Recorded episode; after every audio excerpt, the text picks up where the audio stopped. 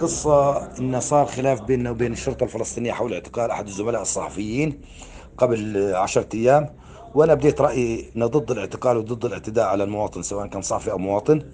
آه، وكان على ال group الصحفيين كان في واحد من الشرطة وناطق باسم الشرطة احتج على الحكي هذا له أنت ليش داخل على group للصحفيين أنت رجل أمن شو دخلك على ال group؟ اطلع من ال group.